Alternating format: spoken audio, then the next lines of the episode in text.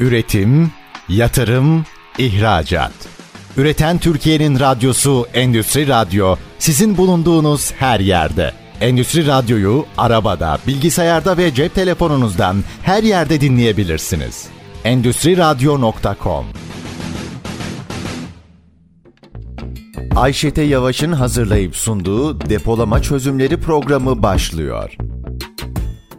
Depolama Çözümleri programından herkese merhaba. Ben Ayşete Yavaş ve depolama ürün ve sistemlerini konuştuğumuz programımızda bugün yine sizlerleyiz. Bugün Blue Pet Robotics ticari faaliyetlerden sorumlu genel müdür yardımcısı Fehim Düzgün ile beraberim. Fehim Bey hoş geldiniz. Hoş bulduk merhabalar. Nasılsınız? Teşekkür ederim eksik olmayın. Şimdi Fehim Bey sohbetimize başlamadan kısaca bir sizi tanıyalım. Blue Pet Robotics firmasında ticari faaliyetlerden sorumlu genel müdür olarak çalışıyorum.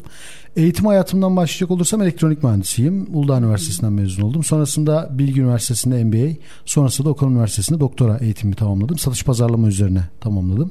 Profesyonel kariyerime LG Electronics'te test mühendisi olarak başladım. Sonra servis müdürlüğü, kanal pazarlama müdürlüğü, satış müdürlüğü sıralamasıyla yaklaşık 8 sene LG Electronics'te çalıştım. Sonrasında HTC'de satış müdürlüğü yaptım 3 sene kadar. Ondan sonra Huawei'de 3 sene gene kıdemli satış müdürlüğü yaptım. Sonrasında da Turkcell'de 4 sene kadar gene satış tarafında farklı pozisyonlarda çalıştım.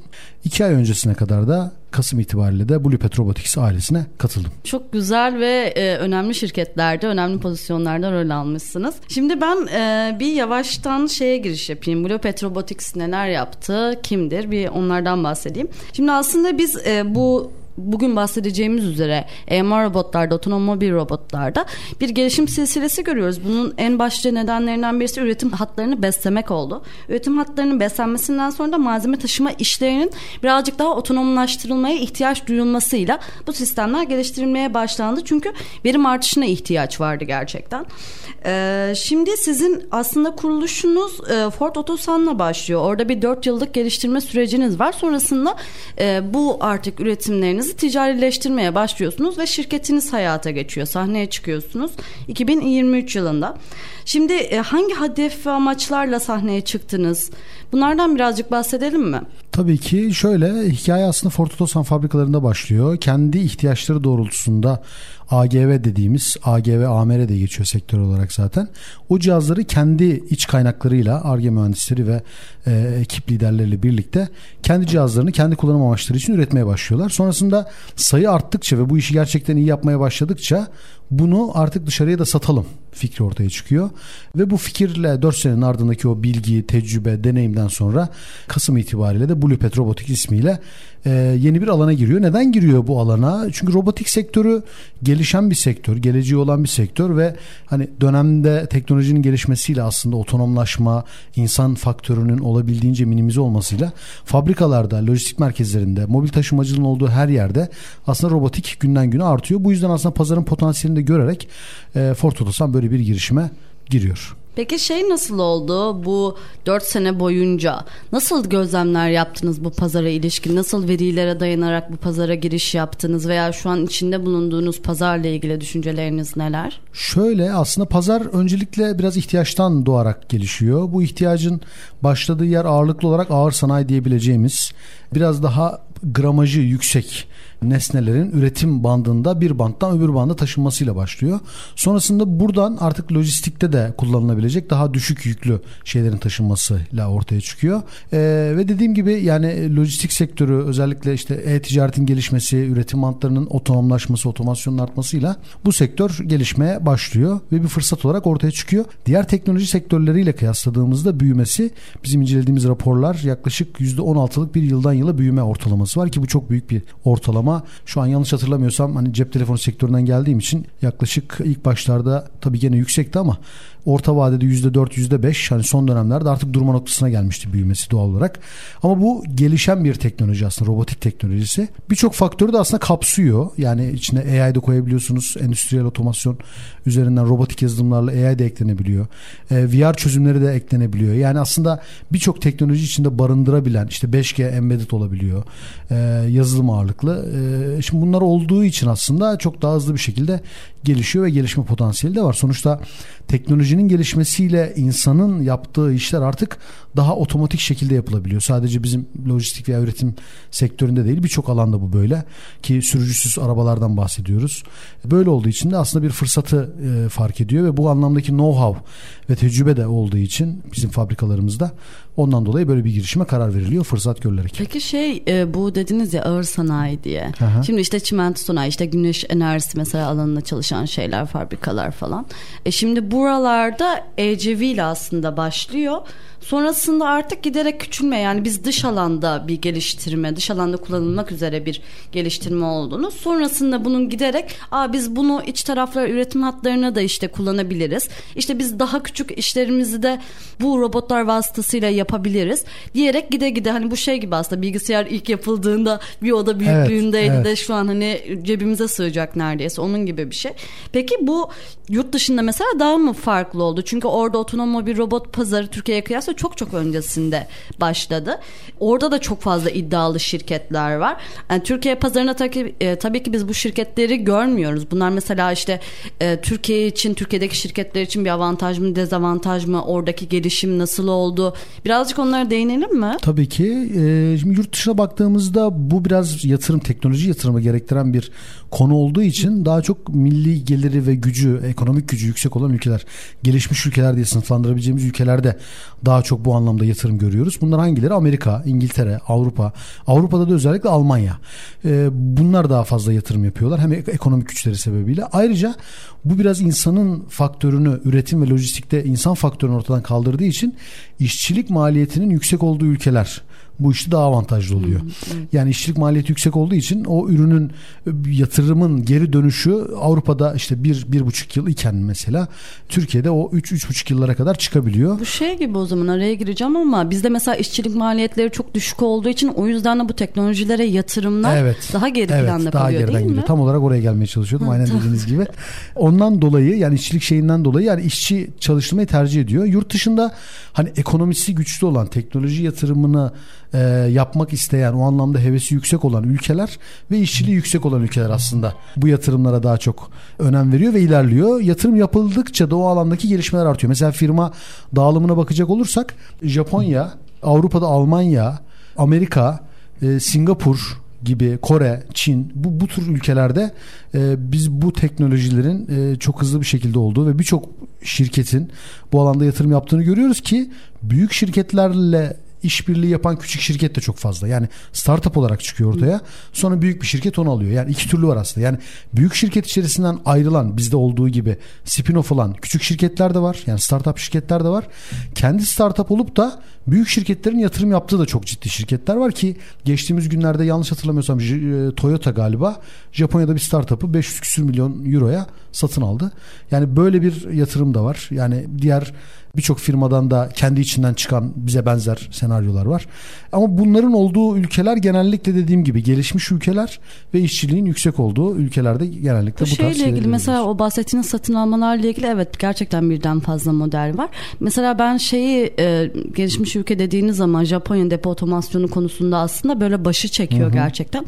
Mesela oradaki şirketlerin çok çok büyük yani dünya genelinde projeler yaptıklarını görüyoruz. Onlarda mesela hani satın alma gibi bir şey e, bence söz konusu değil ya da ben mi bilmiyorum bu konuda bir bilginiz var mı bilmiyorum ama mesela şey gibi ama e, işte mesela Hindistanlı bir tane şirket var. O İtalya'daki bir şirketin şimdi e, şey Olabiliyor. otomasyon Evet. tarafını satın Evet, aldı. evet. İşte ama Türkiye pazarında da şey daha fazla gibi geliyor bana son dönemde. Startupların çoğaldığını görüyorum ben. Daha küçük Evet, çaplı şirketler özellikle EMR tarafında. Bunlar küçük küçük çıkıyorlar. Sonrasında yatırımlarla büyümeye başlıyorlar gibi bir süreç Evet var. aynen öyle. Yani bu iş biraz e, startup olması iyi bir şey ama ya çünkü neden hani çok küçük ekiplerle bir yazılımla çok hızlıca üretebileceğiniz bir teknoloji ancak bu iş aslında çok ciddi bir finansman yükü istiyor. Neden istiyor? Çünkü bunlar çok ciddi maliyetli yatırımlar. O maliyeti sipariş aldığınız takdirde karşılayıp finanse edemediğiniz zaman doğal olarak geriye düşüyorsunuz ve finansmanı döndürememeye başlıyorsunuz. O yüzden arkada güçlü bir finansmanın olması bu tarz teknoloji şirketlerinin olmazsa olmazı. Gelişim için çok önemli.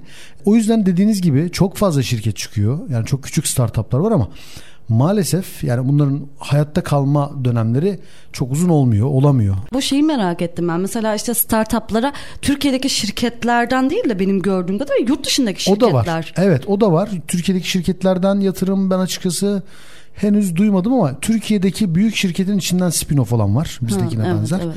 Öyle olan birkaç yer var ama çoğunlukla dediğiniz gibi. Yani küçük şirket dışarıdan yatırım almaya çalışıyor Evet. veya alıyor alabiliyorsa. Bu tür, bu tür senaryolar var. Burada da işte o satın alma kararını veren aslında know-how. Yani o şirketin yaptığı bir standart AMR robotu mu yapıyor yoksa onun üzerine ek bir teknolojiyle bir farklılık mı yapıyor? İşte orada farklılaşan veya teknoloji üst seviyede kullanan, know-how'u daha üst seviyede olan, bilgi birikimi yüksek şirketler tabii yatırım konusunda öne çıkıyor. Evet bu şey de aslında bu startupların hani yatırım alma süreçleri de konuşulabilecek bir konuymuş gibi geldi bana. Çünkü oradaki Evet. süreçler nasıl oluyor? İlgimi Onu da ayrıca çekti. konuşabiliriz. Evet, evet çok Hissettim şey onu yaptık. çekti. Onu da ayrıca konuşabiliriz da isterseniz. uzun konuştuk biraz. Şimdi o zaman şeyden devam edelim. Ee, bu dediniz ya yıllık %16'lık büyüme var EMR sektöründe. Şimdi peki genel olarak robotik sektörünün içerisinde EMR'ın aldığı pastadan pay ne kadar? Bununla ilgili bir bilgimiz var mı? Bununla ilgili net bir veri yok. Çünkü robotik dediğiniz sektör aslında çok geniş. Yani şimdi robotin içerisine sizin otomasyon da dahil ederseniz fabrikadaki robot kolu veya işte konveyörleri de dahil ederseniz yani çok muazzam büyük bir sektör olur. Ama işte bunları dahil etmeyip sadece insansı robot veya servis robotları veya işte bizim EMR gibi onları kategorize ederseniz orada hani belki bir veriye ulaşılabilir ama o alanlar da çok henüz net değil. Yani mesela insansı robotların kullanıldığı yerler çok dar. Servis robotları henüz yeni yeni kullanılmaya başlandı. Ama böyle mobil taşımacılık üzerine baktığımızda EMR sektörü hani ihtiyaçtan dolayı ve uygulanabilirliği, kullanışlılığı, işte e, yatırımın geri dönüş oranlarına olarak baktığımızda diğerlerine göre daha hızlı uygulanabiliyor. Yani daha Çünkü hızlı ROI uygulandığı bir sene falan değil mi bu sektörde ROI? ROI şöyle Avrupa'da bir, bir buçuk sene. Türkiye'de 3 sene, iki Hadi buçuk, ya. üç sene falan. Evet. Ben şey genel olarak baktım demek ki Ama maliyetler düşüyor. kalmış. Maliyetler düşüyor. Doğru. Yani sizdeki o hani maliyetler düşmeye başladıktan sonra veri olabilir. Orada bir de kullanım alanına da bağlı. Yani şimdi yaptığınız iş genelde insan faktörüyle hesaplandığı için ROI yani kaç tane insanın işini robot yapıyor diye baktığınızda oradaki işi yapan robot düşük maliyetli bir robotsa ROI'niz daha düşük çıkıyor. Ama yüksek maliyetli bir robot örnek veriyorum mesela bizim otomotiv sektöründeki fabrikalarda kullanılan büyük montanlı AMR'lerimiz e, maliyetli ürünler doğal olarak. Onun karşılığında işte 3 insanı sonuçta e, insana yani insan yapacağı işi robot yapıyor. E, ama mesela lojistikte kullanılan e, AMR'ler daha küçük montanlı 100 kiloluk 50 kiloluk 200 300 kiloluk e, AMR'ler onlar da gene 3 insanı yapabiliyor ama maliyetleri farklı bundan sebep aslında biraz hani o cihaza göre e, yapılıyor ama ortalamada e, dediğim gibi 2,5-3 sene Türkiye'de Avrupa'da da 1-1,5 sene arası hesaplanıyor ROI. Anladım. Peki bu şeyle ilgili Türkiye pazarıyla bir dünya pazarı arasında kıyas yapacak olsak biz nasıl bir kıyas yapabiliriz? Şimdi dünya pazarında ciddi gelişme var. Özellikle Çin bu konuda çok önde. Amerika önde. Üretim anlamında, şirket anlamında Avrupa önde. Avrupa'nın içinde de Almanya önde. İspanya enteresan şekilde e, hani diğer sektörlerden farklı olarak bu konuda çok istekli. İtalya'da gene yatırımlar var. Evet İtalya'da da Ee, bayağı şirket Evet oralarda da bayağı Ama şirketler sanki var. bir eylem daha çok Evet. İtalya. Evet. Yani çok startup da dediğimiz gibi çıkıyor. Avrupa'dan da bu tarz şirketler çok çıkıyor. E, sektör gelişiyor aslında. Şimdi sektör potansiyel bir sektör olduğu için yüzlerce firma aynı anda giriyor. Doğru bu Ama- arada şey e, tam olarak oturmuş bir sektör Değil. değil. Oraya Daha yeni büyüyor. Aynen öyle. Yeni bir sektör olduğu için oturmuş. değil. Mesela şu anda siz AMR, AGV sektörünün lideri kim derseniz bu sorunun bence cevabı yok. Hmm. Çünkü mesela çok çok büyük böyle herkesin bildiği otomasyon üzerine nam salmış büyük şirketlerin de firması var. Ama o AMR business'ında çok güçlü değil. Daha küçük yerde ama baktığınızda firma çok büyük. Hani markayı hani şimdi telaffuz etmeyeyim ama o markayı herkes bilir. Ama e, yapmış olduğu AMR business'ı çok daha küçük montanlı. O da büyüyor. E, bakıyorsunuz başka alanda hiç ismi duyulmamış, hiçbir sektörde otomasyonda olmayan bir firma AMR AGV sektöründe birçok kimsenin bilebileceği bir durumda. Hani ama adetleri karşılaştıramıyoruz. Yani adetleri karşılaştırsak bile orada cirosal da bakmak gerekiyor. Çünkü fiyatlar çok farklı. Yani 200 bin euroluk da cihazlar var. 15 bin euroluk da cihazlar var. İkisi baktığınızda hani fonksiyon olarak çok değişken. Ee, ama fiyatlama arasında ciddi bir fark var. Çünkü biri işte çizgi takip ediyor. AGV dediğimiz çok basit işleri yapabiliyor. Diğeri AMR doğal navigasyonla çalışıyor vesaire. Şimdi bu sebeplerden dolayı maliye çok ciddi fark ediyor. Anlıyorum. Şimdi şey yapmamız gerekiyor. Bizim aslında keyifli gidiyor program da. Biz bir kısa araya gidelim. Çünkü Tabii ki. aranın ardından birazcık daha depolar tarafında konuşmaya başlayacağız sizlerle. Sevgili dinleyicilerimiz bugün Film Düzgün'le beraberiz. Programımıza şimdilik kısa bir ara veriyoruz. Birazdan sizlerle olacağız. Görüşmek üzere. Üretim, yatırım, ihracat. Üreten Türkiye'nin radyosu Endüstri Radyo sizin bulunduğunuz her yerde. Endüstri Radyo'yu arabada, bilgisayarda ve cep telefonunuzdan her yerde dinleyebilirsiniz. Endüstri Radyo.com Depolama Çözümleri programından herkese merhaba. Ben Ayşe Yavaş ve depolama ürün ve sistemlerini konuştuğumuz programımızın şu an ikinci kısmındayız. Bugün Blue Pet Robotics e, baş ticaretlerden sorumlu genel müdür yardımcısı Fehim Düzgün ile beraberim. Otonom mobil robot sektörünü konuşuyoruz. Türkiye'deki güncel durumunu, dünyadaki gelişmeleri, sektörün geleceğini ve tabii ki özellikle de depolarda ve intralojistikte kullanım avantajlarını konuşacağız. Şimdi depolarda ve intralojistik de e, MAR teknolojisi başlıca ne vaat ediyor şirketlere? Başlıca ne vaat ediyor diye baktığımızda birçok şey vaat ediyor aslında. Bunları böyle ana başlık olarak söyleyecek olursam e, verimlilik. Yani bir insanla yapacağınız işi e, bir robotla daha hızlı, daha uzun süreli yapabiliyorsunuz. Daha hatasız yapabiliyorsunuz. Birincisi verimlilik diyebilirim. Diğer bir faktör maliyet. Yani insanın maliyetiyle robotun maliyetini karşılaştırdığımızda o anlamda ciddi bir maliyet avantajı sağlıyor. Üçüncü başlık olarak söyleyebileceğim güvenlik. E, iş kazalarını biliyorsunuz hem lojistik hem üretim alanında ciddi iş kazaları ve bu oranlar oldukça yüksek. İş kazaları riskini minimize ediyor.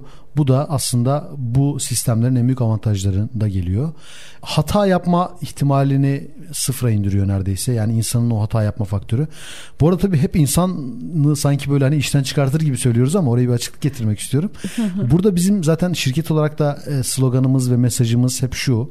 İnsan gibi değerli bir varlığı e, daha verimli alanlarda kullanmak. Yani insanın beyninden, fikrinden daha verimli alanlarda faydalanmak o monoton, sıkıcı, rutin işleri de robotlara yaptırmak. Yani bizim amacımız bu aslında. Yoksa hani her şeyi otomatikleştirelim de insanlar işsiz kalsın değil. Sonuçta sanayi devriminden sonra baktığınızda teknoloji ilerledikçe insanın yaptığı birçok iş artık e, robotlara, makinelere bırakıldı, teknolojiye bırakıldı ama sonuçta insan daha verimli işlerle uğraşmaya başladı. Burada da hani insanın yaptığı hatalar derken tabii doğal olarak insanın doğası gereği o monoton ve sıkıcı işlerde hata yapılabiliyor. Onlardan sakınmak anlamında söylüyoruz. Yoksa insan bizim için tabii ki en değerlisi. Şöyle bir şey var. Öncelikle yani zaten bir devamlılık halinde olmak gerekiyor. Çünkü sürekli her şey değişiyor ve gelişiyor. Yani insanın yerinde sayması zaten medeniyetin ilerlememesi anlamına geliyor. Şimdi bu noktada teknolojinin gelişmesi, makinelerin gelişmesi, yapay zekanın gelişmesi ve benzeri burada aslında insanın kendine dönüp şunu söylemesi gerekiyor. Ben artık olduğum gibi kalamam. Yani eğer ben bir şeyler üretmeye başlamazsam, ben üretken ve verimli, değerli bir hale gelmezsem Hani artık bir yararın kalmıyor. Yani bunda artık hani sadece makineleşmeyle ilgili de değil. Hani biz sürekli böyle kişisel gelişimle ilgili, psikolojiyle ilgili veya işte felsefeyle ilgili. Hani kişinin kendisini zaten bu dünyaya ve yaşadığı evrene, topluma her zaman ne kadar maksimum yarar sağlayabilirse o hale getirmesi, dönüştürmesi üzerine aslında odaklandığını görüyoruz. Yani evet. Dolayısıyla bu belki de bir yandan ben şey diye düşünüyorum. Yani tüm bu gelişmeler aslında insanın kendi içindeki potansiyeli ortaya çıkarması için belki bir zorunluluk gibi geliyor ama onu iyiye sevk ediyor diye düşünüyorum. Evet, tam olarak öyle. Benim de kastettiğim aslında buydu tam olarak. İyi toparladınız. İnsanın gerçekten potansiyeli çok yüksek. Daha faydalı işlerde, çok daha verimli işlerde hem kendine, çevresine, topluma, dünyaya daha faydalı olabilir. O yüzden bizim burada amacımız zaten teknolojiyi, üretim ve lojistik o hatta sonrasındaki hani hedeflerimiz arasında daha da genişletmek ve robotiği birçok yerde kullanmak aslında. Oralarda hani rutin ve monoton sıkıcı işleri robotlara yaptırıp insan gibi değerli bir varlığı potansiyelini ortaya çıkartarak daha üretken, daha verimli alanlarda üretmesini sağlamak aslında. Bir de şey vardı o. mesela benim e, in, e, okuduğum herhalde bir araştırmadaydı bu. Diyor ki insanlar diyor sürekli mesela işte hatların beslenmesi gibi ya da işte bu şey tarafında e, ticaret tarafında işte bir ürün geliyor koliyi boşaltıyor oraya koyuyor barkod okunsun diye sürekli sadece aynı işi yapıyor eliyle birlikte ve bu bir süreden sonra şey yani hata olasılığını kişinin zihni çünkü çok dağınık dağınık, hata olasılığını arttırıyor ve gerçekten kişinin yaptığı işe odaklanmaması durumu, iş kazalarının önünün açılması ve benzeri. Gerçekten hani o şey dediniz ya İSG ve güvenlik noktasında. Evet. Gerçekten bununla ilgili araştırmalar var. Yani monoton işler insana hiçbir şey katmıyor ve sadece hata yani ciddi Evet. bir can kaybı da olabilir. Evet. Hem insana can kaybı oluyor hem de Evet. hatalı iş yapmaktan kaynaklı durumda olabiliyor. Tabii, İSG de oranları çok var. yüksek biliyorsunuz. Bu anlamda her ne kadar çok güvenlik tedbirleri alınsa, regülasyonlar artsa bile maalesef iş kazaları günden güne artıyor oransal olarak.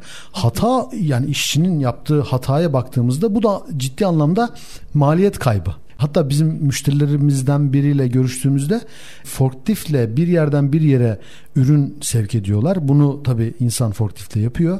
E, oraya mono, e, robotikleştirmek istiyorlar. Onun için görüşmüştük. Şimdi yanlış koliyi alıp yanlış bir yere götürdüğü durumlarda biz hatalı koliyi bulmak için bile haftalar harcıyoruz dedi Oh, müşteri. evet. Şimdi baktığınızda aslında belki bir küçük yanlış gibi görünüyor ama şirkete maliyeti bir haftalık belki bir ya da iki kişinin tamamen o işe odaklanarak o hatayı bulması.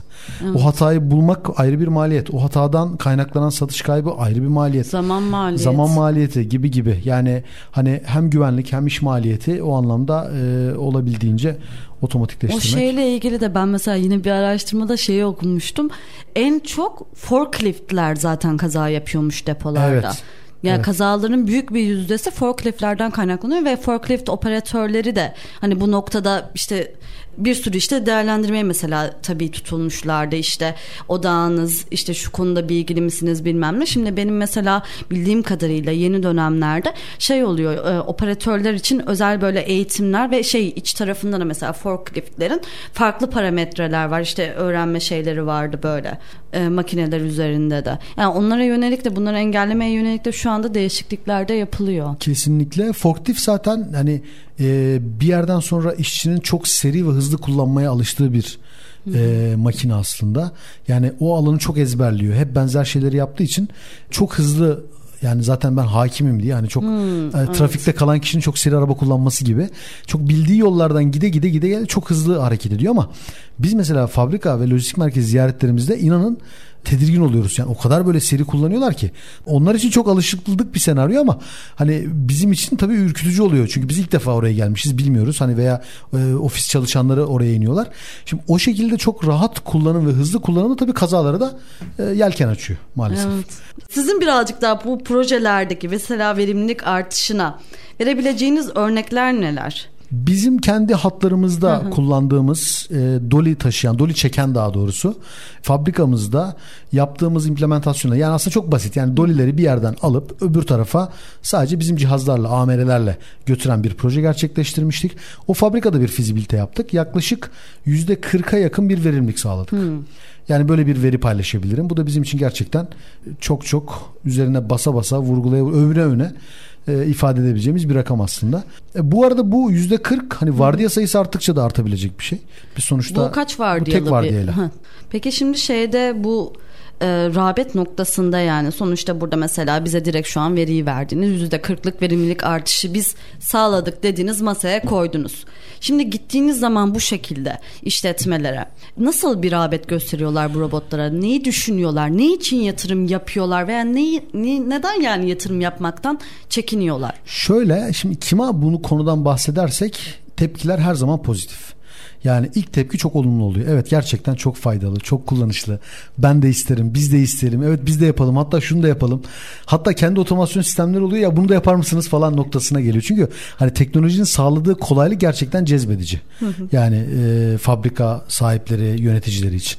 Şimdi o cezbedicilik ve o pozitif yanıt sonrasında iş ilerledikçe yatırım kısmına geldiğinde aslında biraz defansif olmaya başlıyorlar. Çünkü bunlar tabii ki hani planlanan maliyetler hali hazırdaki sistemi değiştirmek o değişime yelken açmak olduğu için çok kolay karar verilemiyor. Orada biraz sü- süreç uzayabiliyor.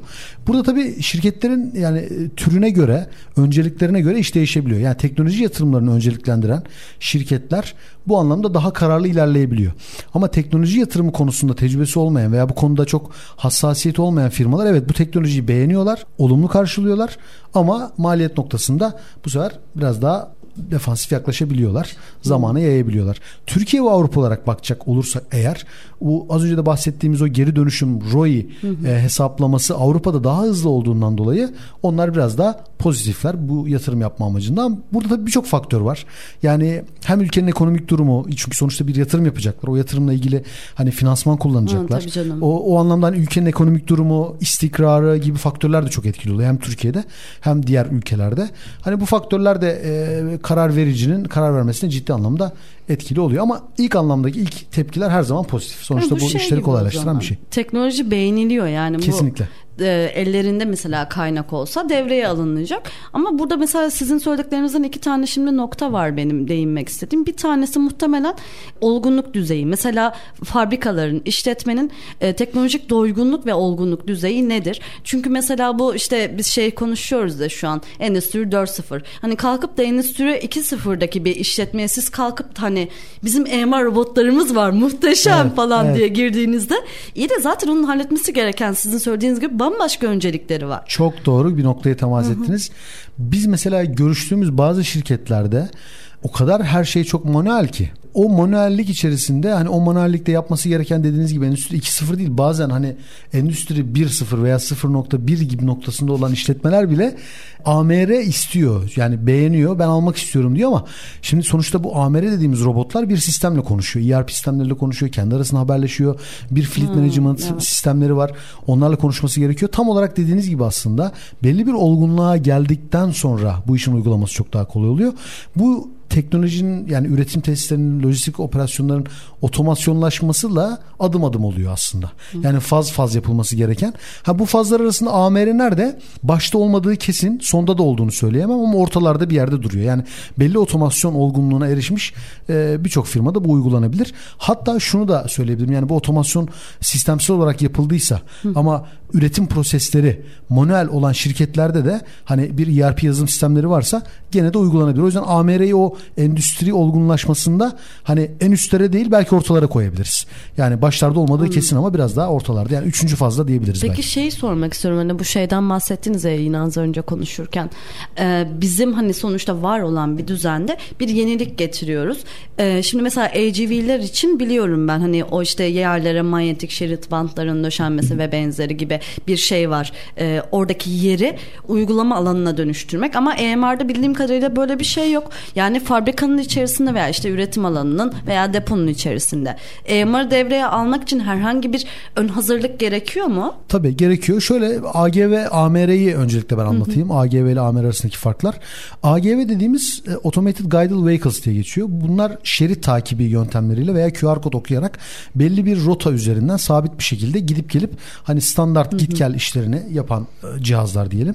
AMR dediğimiz Automated Mobile Robots diye geçiyor. Bunlar doğal navigasyonla siz harita ve komutları ona yükleyerek istediğiniz rota içerisinde istediğiniz görevi yaptırabiliyorsunuz. AMR dediğimiz AGV'nin aslında bir üst versiyonu ama sektöre AGV diye denmeye alıştığı için biz gene hala AGV demeye devam ediyoruz ama Ben e, aslında farklı cihazlar. sebebiyet veriyor Evet, ya. biraz ben mesela öyle evet. kullanmıyorum. Evet, evet. AMR demek daha doğru. Aslında biz de mesela şirket olarak sadece AMR üretiyoruz aslında.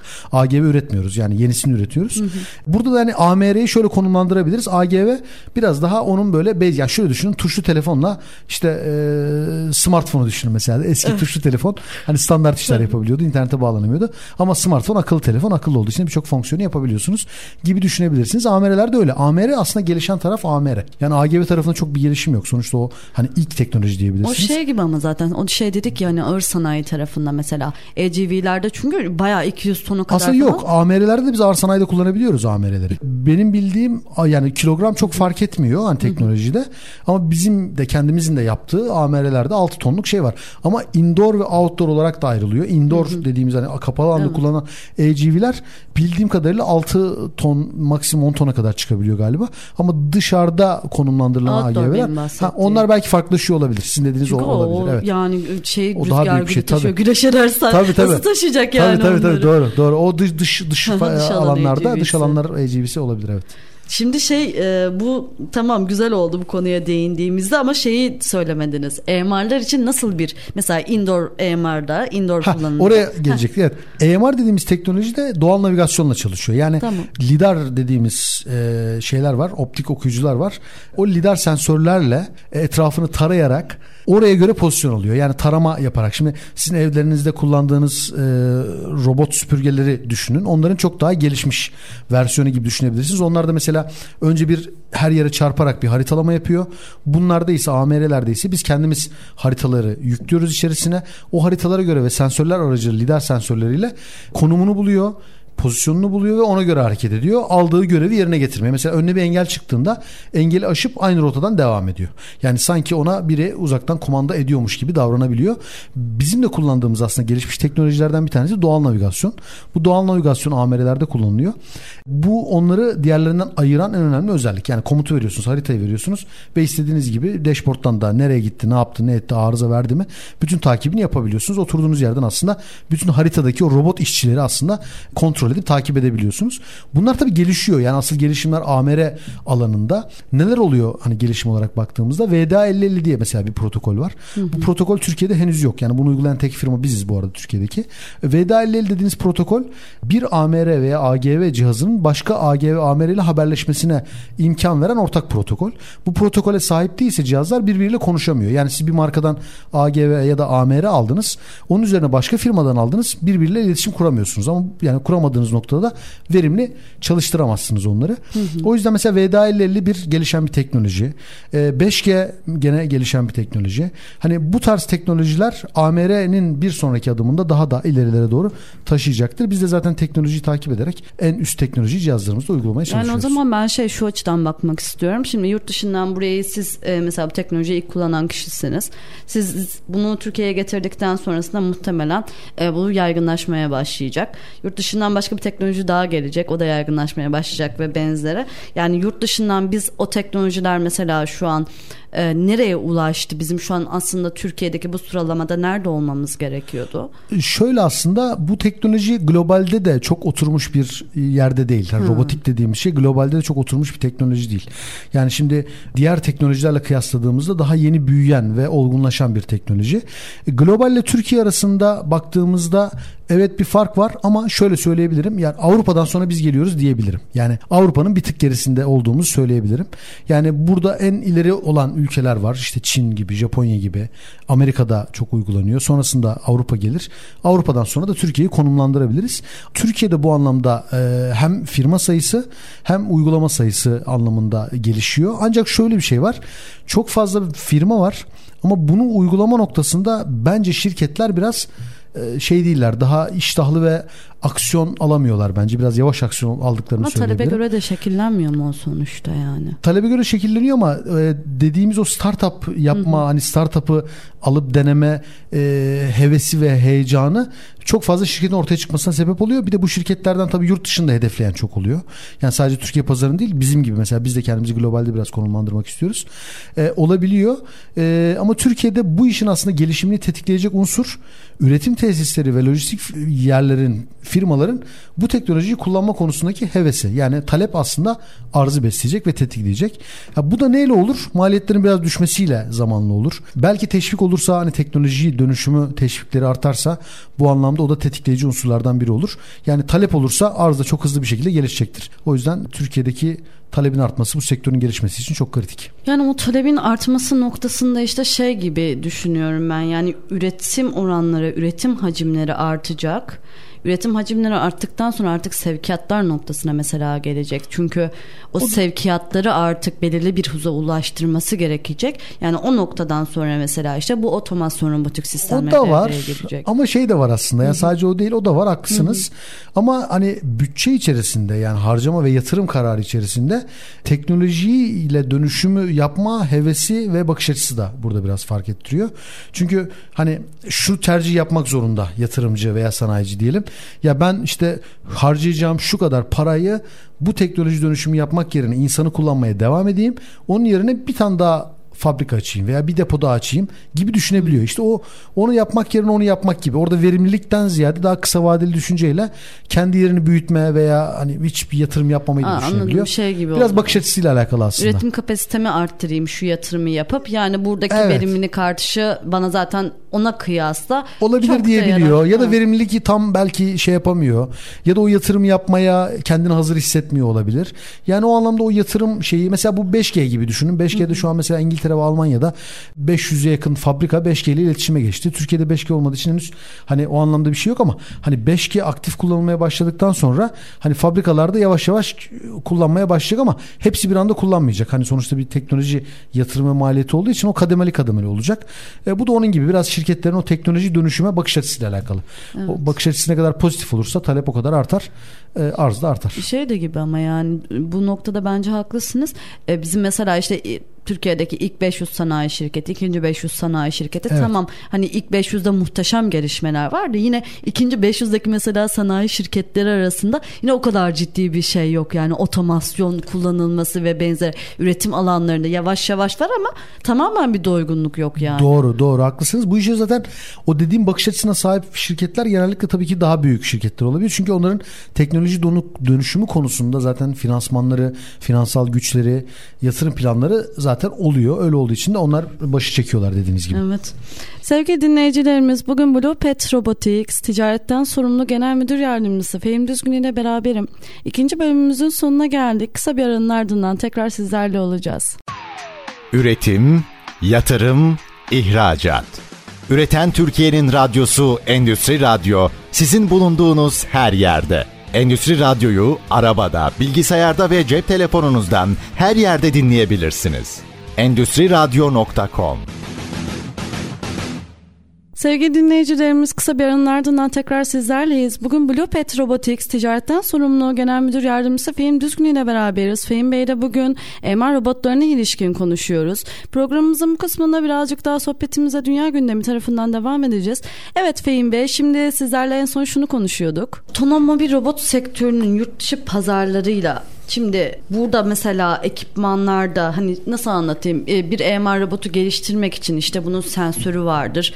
İşte bahsettiğiniz işte lazer navigasyonu vardır, şuyu vardır, buyu vardır. Hani şimdi bunların mesela Türkiye'de ayrı üreticileri var mı?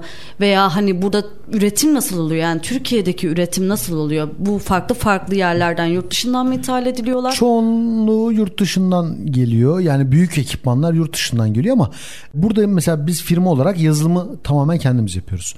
Aslında buradaki işi ayrıştıran yazılım kısmı. Sonuçta o robotun mekaniği baktığınızda çok belli komponentlerden oluşuyor. Yani eğer PLC kullanıyorsa PLC'si, endüstriyel PC kullanıyorsa endüstriyel PC, işte tekerlek, sensörler e, vesaire veya dış işte mekaniği hani bunlardan oluşuyor ve işte motoru falan filan.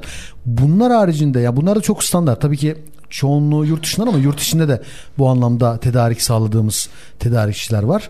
Ama orada bizi farklı kılan yani hani ülkeyi de ayrıştırabilecek hani şirket bazında da bizi de ayrıştıran konu aslında yazılım kısmı. Yani bizim yazılımları tamamen kendimiz yapıyor olmamız. Şirketler de burada yazılım kendi yaparak aslında orada farklılaşabiliyor. Onun haricindeki ekipmanlar e, çoğunluğu yurt dışı olmak üzere. E bu nasıl değişecek peki? Bu da önemli değil mi? Bu da değişecek. Şimdi sonuçta sektör yani? büyüdükçe şöyle olacak. Şimdi sektör büyüyüp de bu şirketler satış rakamları arttıkça sektöre yatırım yapma hevesi tedarikçi için de artacak.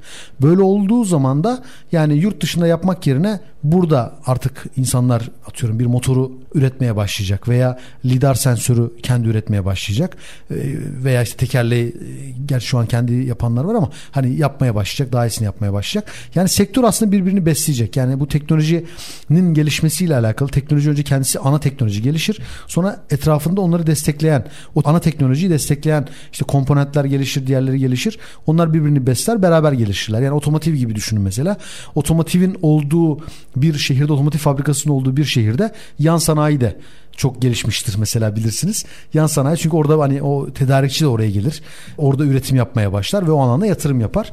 Onlar birbirini besleyen o yüzden sektör büyüdükçe, teknoloji oturmaya başladıkça o alanda da ülkemizde güzel gelişmelerin olacağına inanıyorum. Evet çünkü şey ben çok önemli buluyorum. Yani mesela şey geçen gün işte birisiyle sohbetimiz esnasında şeyden bahsettik. E, TOG Türkiye'de yapıldı. E şimdi bu TOG'un parçaları mesela kaçı nereden geldi, hangi ülkeden geldi, kaçı Türkiye'de yapıldı. Şimdi mesela Türkiye'de üretim yapıldı, tamam AMR robot yapıldı. Bu AMR robotun sadece belki birleştirmesi burada yapıldı. Veya işte bir depo otomasyonu yapıldı. Sadece birleştirmesi burada yapıldı. Tüm diğer kullanılan komponentler e, yurt dışından ithal edildi. Bu şey gibi hani birazcık ithalatla ihracat arasında e, denge olmuyor. Evet. Şu kadar işte milyar dolar ihracat yapıldı ama dış ticaret açığına bakıyorsunuz işte benim en son okuduğum veri 104 milyar e, dolardı yani ya da TL'ydi tam hatırlamıyorum şu an. Hani bunun gibi bir şey birazcık bu denge de hani önemli Şimdi Orada yerlilik ben. aynen öyle yerlilik oranı diye bir oran var zaten hani Hı. yerlilik oranı belli bir orana kadar yapıyor Bunu olmanız lazım. musunuz peki yani? Tabii tabii biz yerli mi? evet evet bizim bizdeki yani e, şu an güncel çünkü çok değişiyor. Biz bir kısmını yurt içinden de tedarik etmeye başladık. Ama bir yerlilik oranını sağlayacak seviyedeyiz biz. Yani yerli ve milli dediğimiz o hani kapsama giren bir firmayız. Hani oradaki belli oranlar var. Yani komponentlerin yüzde kaçını yurt dışından getiriyorsunuz. Yüzde kaçını burada kendiniz yapıyorsunuz veya içeriden tedarik ediyorsunuz. O oranı sağlıyorsanız yerli bir firmasınız. Hani az önce bahsettiğiniz firmada da benzer bir oran vardır. O oran hı hı. karşılığında yapılıyordur. Bizde de o şekilde. Ha tabii gönül ister ki oran olabildiğince artsın. E, tabii ee, içeride olsa ama bu sektör birbirini besleyen yani alt yan sanayisinde besleyen bir sektör. Büyüdükçe o anlamda da ben ciddi yatırım olacağını düşünüyorum. Şey gibi bu arada sektöre aşırı acımasız davranmak istemiyorum bu arada. Çok iyi biliyorum yani sektörün zaten bir 10-15 senelik yani intralojistik kavram bile daha yeni yeni aslında kullanılmaya başlanıyor. Kavram olarak bile hayatımıza yeni girdi aslında. E, dolayısıyla asla şey değilim yani karamsar değilim bu noktada. Sadece düşüncemi hani dile getirmek istedim. Yok aslında teknoloji Hı-hı. ben çok çok olumluyum. Yani Hı-hı. teknoloji gelişmelere baktığımızda hani geçmişten günümüze çok hızlı ilerliyor. Ama tabii bu bir yerde bir kırıldıktan sonra biraz da maliyetlerle de alakalı. Maliyetler belli bir seviyeye inip artık toplam içerisindeki oranı yani bu yatırımın oranı düştükçe çok daha az olacak. Az önce sizin verdiğiniz örnek gibi yani hani cep telefonları bilgisayarlar ilk çıktığında çok pahalı ve büyüktü. Geliştikçe, küçüldükçe, ucuzladıkça daha çok yaygınlaştı.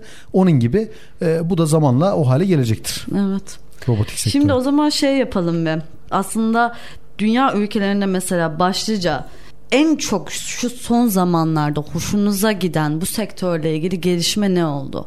Şimdi uluslararası pazarda baktığımızda Çin pazarı bu anlamda e, iyi gidiyor. Hı hı. Ama böyle hani farklılık diyebileceğiniz hani yeni bir çözüm yeni bir teknoloji diyebileceğiniz çalışan Avrupalı firmaları görüyoruz daha çok. Bazı firmalar mesela çok böyle spesifik alanlarda uzmanlaşmaya başlamış. Biz de bunları Nerede takip mesela? ediyoruz. Örnek veriyorum kendi robot geliyor bir yerden malzemeyi alıyor, hı hı. götürüyor rafa. Rafta hangi alana bakıyor, boş alan neyse o boş alana koyuyor. Yani siz hiçbir şey şeye dokunmadan dünya devi e-ticarette kullanılan bir robot bu raflara tırmanan falan şu an. Evet evet evet. Ondan bahsediyorsunuz. Yok o değil, aslında. O değil. Onu ben bir farda gördüm. ee, Gördünüz mü? Ben farda. gerçekten göremedim ya. Çok ee, ilginçti. Gördüm onu. Yani geliyor kendisi şeye tırmanıyor ve diziyor tekrar geliyor ama buradaki tabii teknoloji çok farklı bir teknoloji. Yani QR kodla değil o alanları tarayarak kendisi görüyor. Hmm. Ama oradaki raf sistemini de kendileri kuruyorlarmış mesela. Evet, ray hani var böyle Sizin hepsi. rafınıza evet sizin rafınıza entegre edemiyorlar onu. Yani hmm. orada kendi raflarını da gelip kendileri kuruyorlar. Bildiğiniz karanlık fabrika dediğimiz konsepti aslında geçmenin bir yolu. Yani geliyor, alıyor malzemeyi, götürüyor, rafa diziyor, tekrar geri geliyor. Siz hiçbir şey yapmıyorsunuz. Hani hiç insana gerek kalmadan karanlık fabrika dediğimiz konsept. Bir de şey de yok mesela harçlık verme olayı. Harçlık. Her şey kendisi evet, yapıyor evet, zaten ama evet, evet. mesela bir şey depo çalışan olsa böyle bu kadar şey böyle şu an çok hani, Aynen. hani kendi zihnimle canlandığını söyledim ama gerçekten evet. güzel yani bir evet, takdir hak evet. ediyorlar. Buna benzer böyle böyle spesifik alanlarda uzmanlaşan e, yerler görüyoruz. Bunlar tabii heyecan verici. Hani sektörün gelişeceğini gösteriyor. Bizim de yaptığımız hani şu an paylaşamayacağım bazı çalışmalar var. Biz de böyle hani robotik sektöründe bizi farklı kılacak daha da böyle uzmanlaşabileceğimiz belli alanlar üzerine çalışıyoruz. Arge'niz o zaman devam ediyor tabii, size. Tabii tabii. tabii. Biz Arge ağırlıklı bir firmayız zaten. Hı hı. Yani tamamen Arge'ye yatırım yapıyoruz. Artı yazılım tarafı dediğim gibi bizleri ayrıştıran kısım. Ee, ve teknoloji yakından takip edip yani yurt dışında olan bütün teknoloji uyguluyoruz. Bizim zaten hedef pazarımız da yani sadece Türkiye değil Türkiye ile birlikte ağırlıklı olarak yurt dışı. O yüzden biz hem yurt dışı teknolojisini takip ediyoruz hem de ARGE çalışmalarımıza ağırlıklı olarak devam ediyoruz. O şey yapacağım şimdi e, yurt dışında esas hani hem Türkiye hem global için hedefleri soracağım da Ondan önce şurayı bir soralım. Bu robotin geleceğine dair bir düşüncelerinizi hani alalım. Mesela hem yakın vade olabilir. Mesela 2030 diyebiliriz. Biraz da uzak vadede ne olmasını bekliyorsunuz? Zihninizde neler var? Şimdi robotik e, aslında birçok şey ya yani birçok sektör birbirini besler durumda.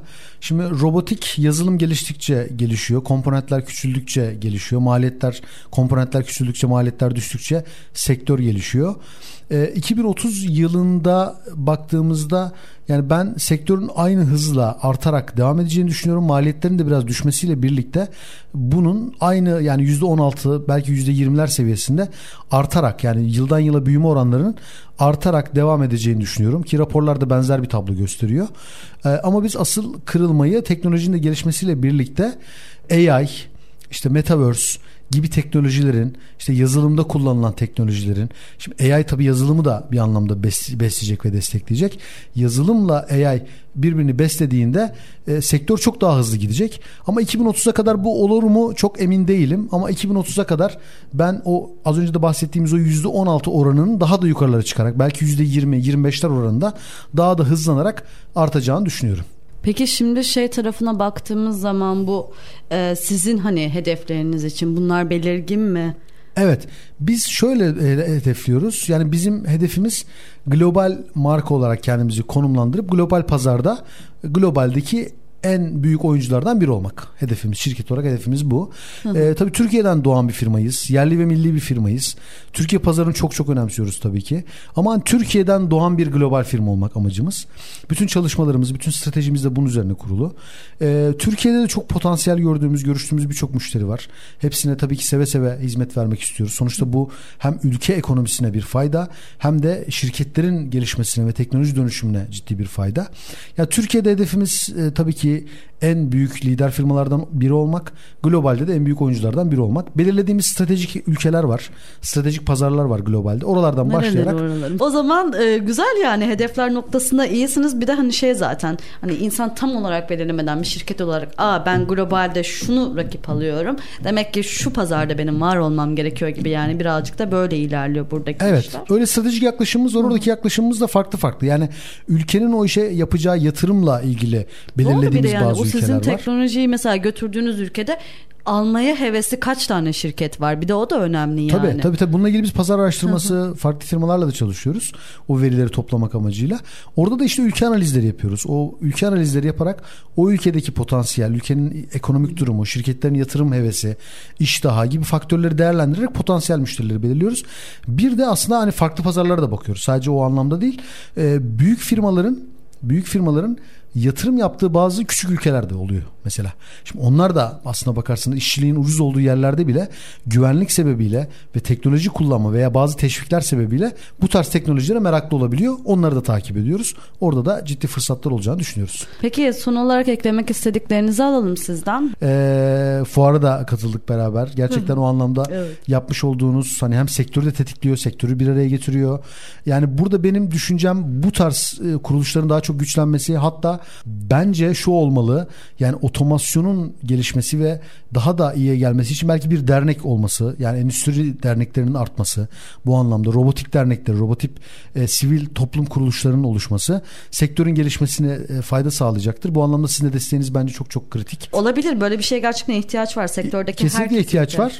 Yani şey. sektörü büyütüp e, hem ekonomiye hem sektöre hem teknolojiye hem istihdama yani sonuçta bu da e, bir istihdam kaynağı, teknoloji kaynağı ve ülkenin e, rekabet ettiği diğer ülkelerle öne geçmesi için çok kritik konulardan biri. Çok güzel bir programdı. Güzel konuştuk. Teşekkür ediyorum ben çok teşekkür ederim. için, verdiğiniz bilgiler için Davet, çok keyif Davetiniz aldım. için çok teşekkür ederim. Benim için de çok keyifti. Umuyorum Her dinleyicilerimiz için de öyledir. Sevgili dinleyicilerimiz bugünlük programımızın sonuna geldik. Haftaya görüşmek üzere diyorum. Kendinize güzel bakın. Esen kalın.